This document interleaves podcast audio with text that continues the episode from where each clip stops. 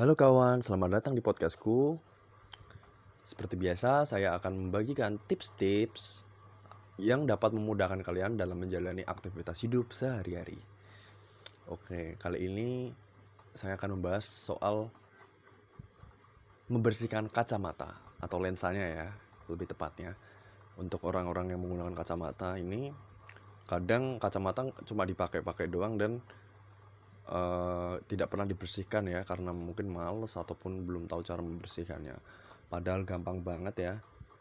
Saya ingin menggunakan bahan yang mungkin kalian nggak pernah duga bisa bermanfaat yaitu abu rokok.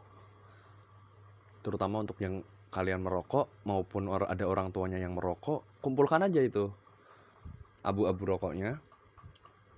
Lalu caranya sangat mudah, tinggal dicampur dengan sedikit air secukupnya aja, lalu dioleskan di lensa kacamata kalian. Setelah itu, langsung dilap dengan tisu. Itu pasti lensa kalian langsung saya bisa bilang kembali seperti semula ya, sangat cerah dan sangat bagus. Kalian bisa langsung coba ya.